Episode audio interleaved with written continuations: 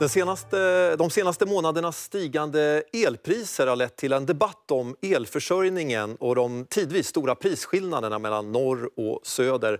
Och som vi kan se här när det gäller de tio senaste åren så i det som kallas elområde 4, alltså de sydligaste delarna av Sverige, så har snittpriserna där på elbörsen stigit kraftigt under senare tid. Elpriset fortsätter att slå rekord efter rekord och nu bråkar alla om både orsaker och åtgärder.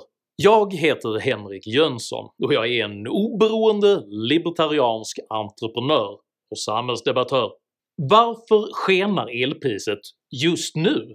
Hur skildras detta av politiker och i media?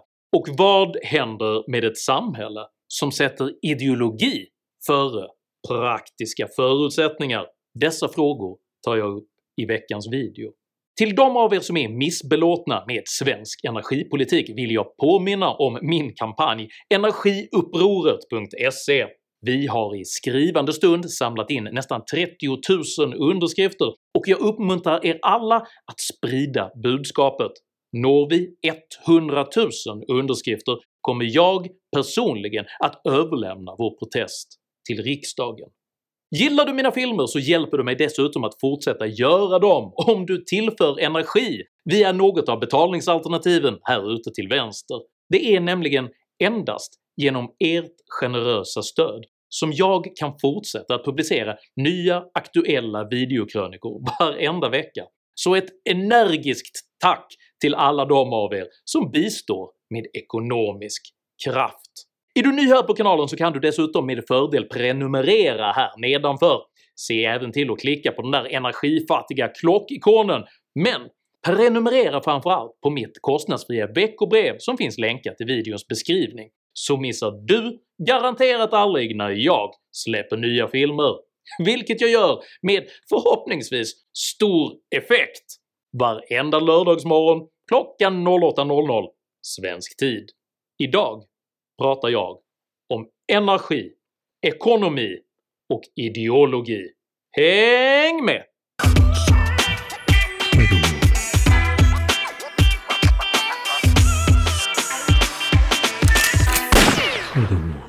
Scotty, we need power. More power. More power, Mr. Vi behöver mer kraft!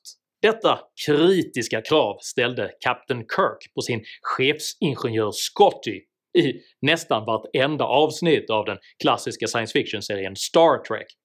Som genom ett under lyckades man alltid avvärja en nära förestående katastrof genom att i sista stund utvinna den där extra kraften som kaptenen behövde. Trots att mänskligheten ännu befinner sig långt ifrån Star Treks framstegsoptimistiska energiutvinnande så är problembilden faktiskt snarlik. Utan den kraft som behövs står alltid katastrofen för dörren. Det svenska elpriset når nu ständigt nya rekordnivåer samtidigt som Europas lägsta temperatur på hela 37 minusgrader nyligen uppmättes i Norrland vilket varslar om en oroväckande kall vinter i antågande. Det är just nu exceptionellt kallt i delar av Norrland och det är en av anledningarna till att priset på el just nu är rekordhögt i Sverige. Som direkt konsekvens av detta har det oljeeldade Karlshamnsverket i Blekinge satts i så kallat stabsläge, vilket i korthet innebär att man står beredd att börja bränna olja för att kunna upprätthålla det svenska kraftnätets effekt. Samtidigt stryper nu Norge eltillförseln till Sverige som ett direkt svar på att Sverige under en längre tid strypt eltillförseln till Norge och övriga nordiska länder. Carl Berglöf, som är expert på kraftsystem inom energiföretagen, förklarar den norska konflikten med följande ord Norge ger helt enkelt tillbaka med samma mynt efter att ha tröttnat på att Sverige löpande sätter begränsningar på överföringskapaciteten. Det har således slutligen blivit omöjligt att dölja Sveriges energiförsörjningsproblem, men för att kunna påbörja ett konstruktivt korrigeringsarbete måste dessa problem först erkännas och sedan beskrivas på ett hederligt sätt. Detta är däremot mycket få beredda att göra mitt i en infekterad valrörelse där både klimatpolitik och gröna maktintressen står på spel. Istället för att pragmatiskt diskutera konkreta lösningar på energikrisen lägger nu både politiker och media skulden på naturkrafterna.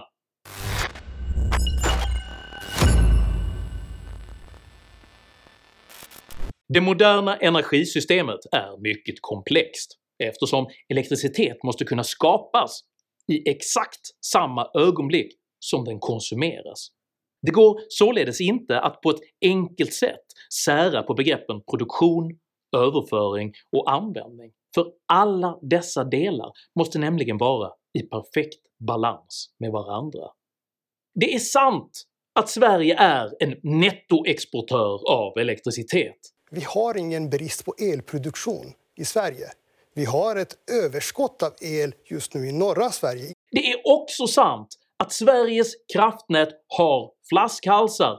Vi skulle behöva stärka nätet för att kunna bättre transportera el från norr till söder för att kunna skapa stabiliteten. Det är även sant att energikonsumtionen är stigande, i synnerhet när det blir kallt ute och alla vill ha el samtidigt. Vi har ju sett allt eftersom vädret har blivit kallare så har elpriserna ökat i hela Europa och kontinenten.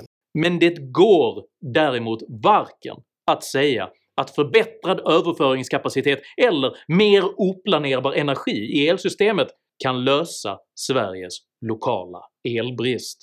Den springande punkten gäller nämligen varken den totala producerade energimängden eller hur den överförs, utan i vilken utsträckning energisystemet kan planeras för balans. För att kunna hålla energisystemet balanserat krävs förmåga att mycket mycket snabbt kunna styra den mängd energi som produceras. Och det är här som skon klämmer. För det svenska elsystemets planerbarhet har i stor utsträckning vilat på just kärnkraft, vilken under lång tid gradvis har ersatts med oplanerbar energi i form av exempelvis vindkraft. Arbetet med att bygga ut den havsbaserade vindkraften är en viktig del av detta. Benägenheten att från politiskt och medialt håll förklara detta sakförhållande är extremt låg eftersom denna situation står i direkt konflikt med Sveriges gröna omställningspolitik. Det är mycket talande hur man i rapporteringen om energikrisen konsekvent väljer att utelämna det faktum att man aktivt faktiskt har stängt ner stora delar av den svenska kärnkraften. Istället så skyller man på ett närmast animistiskt vis Sveriges problem på anonyma och obevekliga naturkrafter. Kylan är för svår, vinden är för svag, isen är för tjock, Bakom de skenande elpriserna ligger bland annat kallare vedar, att det blåser mindre och att vattenkraften i Norrland har gått på nedsatt fart som en följd av pågående isläggning av vattendamm. Inget av dessa väderfenomen är dock nya för Sverige eftersom vi är ett land beläget nära polcirkeln. Här har varit både kallt, isigt och vindstilla under stora delar av 1900-talet, alldeles utan obalans i kraftsystemet. Jan Blomgren, professor i tillämpad kärnfysik, förklarar Sveriges energiförfall med följande ord. Elförsörjning är fullständigt fundamental för ett väl fungerande samhälle med en hög levnadsstandard. Det förstod man på den tiden. Så när vi byggde upp vattenkraften och sedermera kärnkraften i Sverige då gjorde man mycket omfattande utredningar, man tänkte på allt, man vände på alla stenar för att använda modernt språkbruk. Och det där är någonting vi har tappat bort. Vi hade mer planerbar el än vad vi har idag. På den tiden var i stort sett all el vi hade av den karaktären att vi själva kontrollerade den. Vi drog på den när vi behövde mera och drog ner den när vi behövde mindre. Det som har hänt sedan dess är att vi har stängt av ganska mycket av den planerbara elen och ersatt med sån el som vi får när vår Herre tycker att vinden ska blåsa. Och det där gör att vi får en mycket svårare situation att hålla nätet balanserat. Och de här frågorna har väsentligen man helt och hållet missat i den politiska debatten. Somliga av er minns säkert Sveriges Televisions nu ökända uppmaning till det svenska folket att anpassa sin dammsugning och industriproduktion till regeringens klimatpolitik. Innan man sätter på dammsugaren kan man fundera över, måste man städa just de här dagarna när det är som kallast i Sverige? Men att priserna blir så höga att pappersbruken stänger, det kan vara bra för miljön. Denna argumentation är både juvenil, fatalistisk och långsiktigt helt ohållbar eftersom ett land som offrar både medborgarnas livskvalitet och sina företag för klimatet ytterst hjälper varken land eller klimat. Jag har varit hemma och dragit ut alla kontakter jag hittade. Och jag bor ju i en ombyggd sommarstuga så för mig är det tunna väggar också så jag har dragit ut allt. Det höga och nyckfulla elpriset ställer till det för industrin och på Uddeholm i Hagfors ja, där har man till och med fått stoppa produktionen tidvis. Som ett rent trovärdighetsexperiment tog jag mig därför friheten att korsklippa Sveriges Televisions senaste klimataktivistiska påståenden med citat av just professor Jan Blomgren. Nej, det har vi faktiskt inte. På årsbasis har vi överskott på el och trots att vi har stängt två kärnreaktorer så räknar man med att överskottet kommer att öka i takt med att vindkraften byggs ut. De som har provat att få in mycket sol och vind i systemet, de som har kommit längst är Kalifornien. De ligger mellan 20 och 30 procent.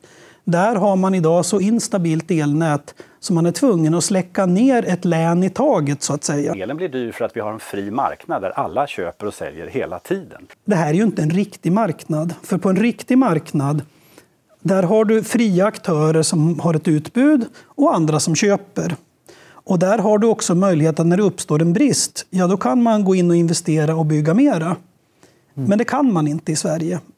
Och där har vi stora stort statligt tryck mot viss typ av produktion och annan typ av produktion motarbetas. Och då är dagens överskott en bra början, men vi kommer behöva mycket mer el. Definitivt från vindkraft som just nu är både snabbast och billigast att bygga ut. Vad jag har problem med så är det ju planer som bygger på totalt orealistiska kalkyler av att det här ska ske med vindkraft. Det kommer inte att ske.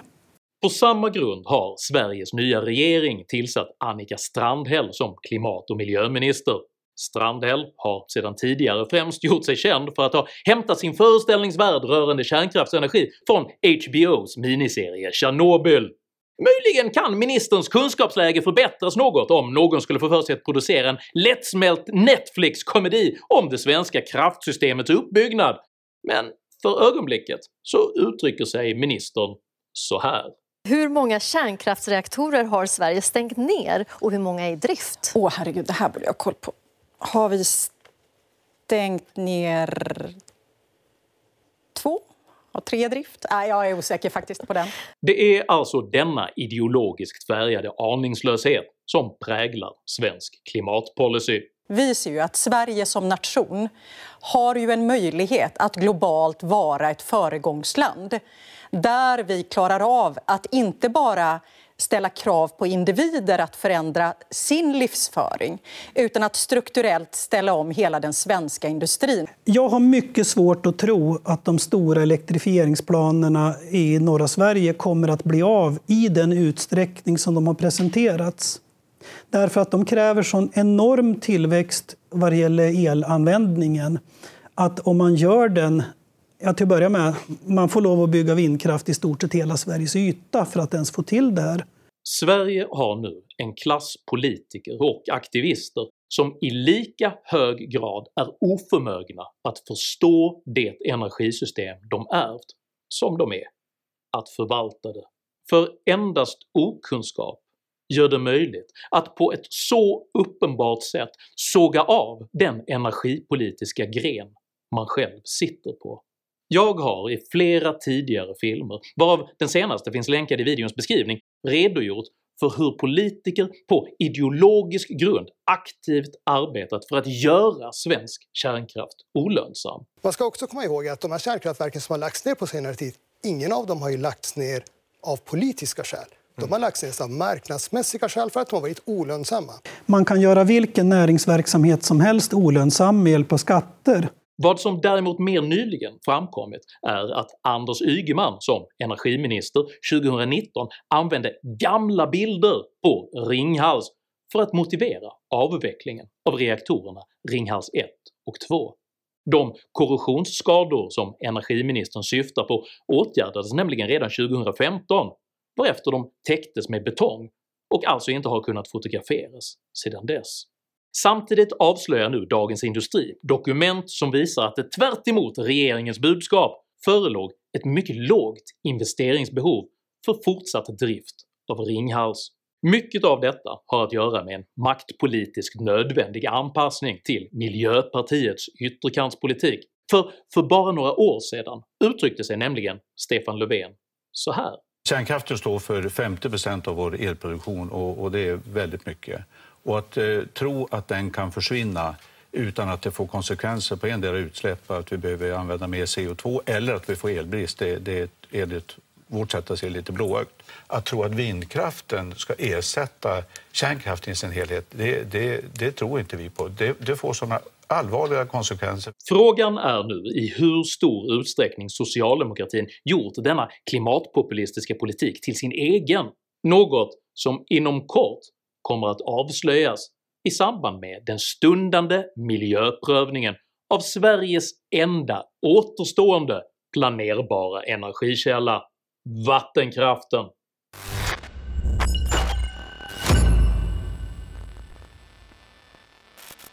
Den svenska vattenkraften fick sina tillstånd baserat på 1919 års vattenlag och under 2022 inleds därför projektet “Nationell plan för moderna miljövillkor” vilket under de kommande 20 åren ska detaljgranska 1800 vattenkraftverk och 600 dammar.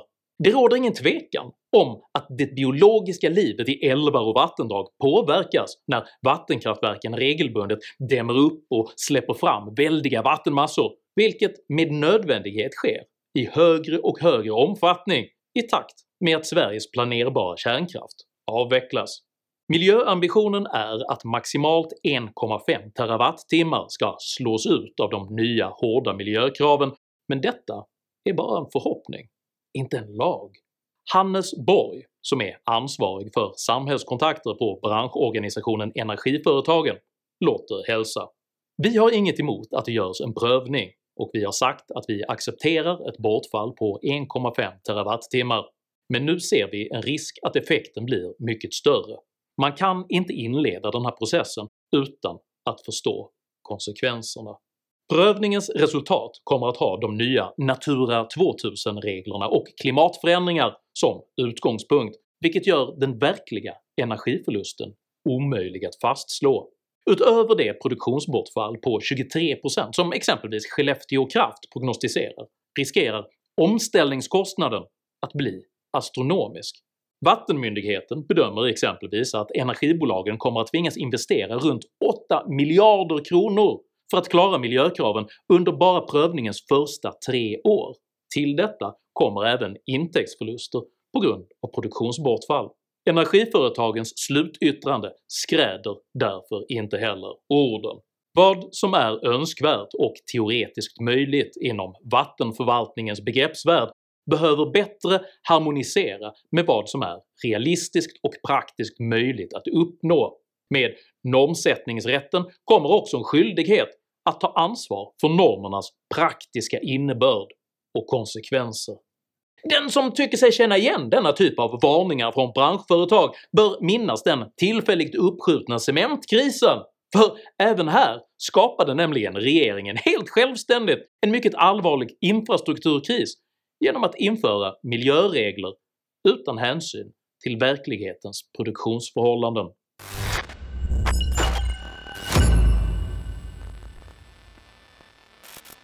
De sammantagna konsekvenserna av att på klimatideologisk grund kringskära både kärnkraft och vattenkraft kommer att bli katastrofala för det svenska kraftsystemet, och de främsta offren för denna politik är de allra fattigaste och klimatet.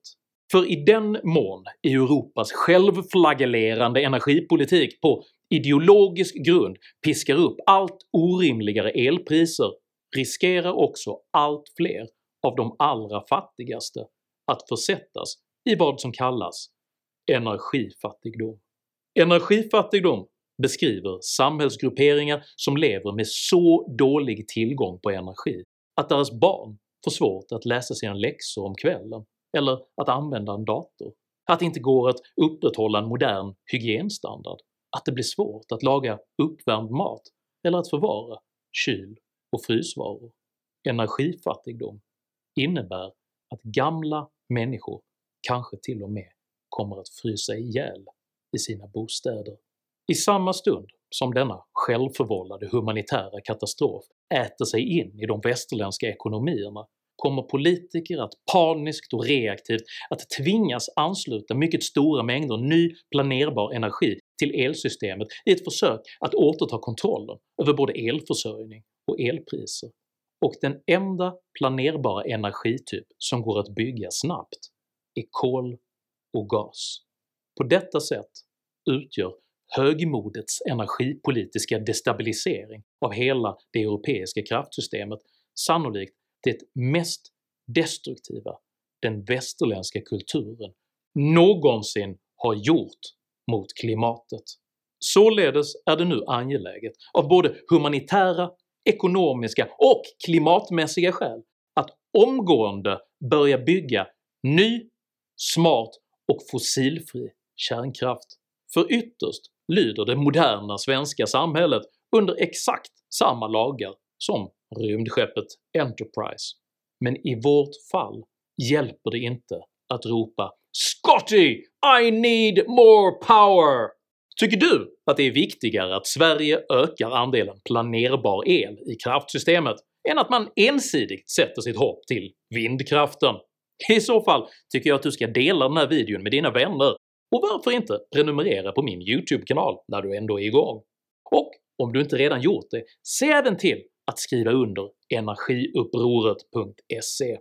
Har du egna erfarenheter av svensk energipolitik och dess konsekvenser? Dela i så fall gärna med dig av dina erfarenheter i kommentarsfältet här nedanför. Jag uppskattar all respektfull kommunikation. Tänk dock på att alltid vara artig även mot dina meningsmotståndare. Jag accepterar nämligen inte aggression, personpåhopp eller rasism i mina idédrivna kommentarsfält. Tack för att du som kommenterar respekterar detta. Jag heter Henrik Jönsson och jag föredrar planerbar rationalitet framför idealistisk oplanerbarhet. Tack för mig och tack för att ni har tittat.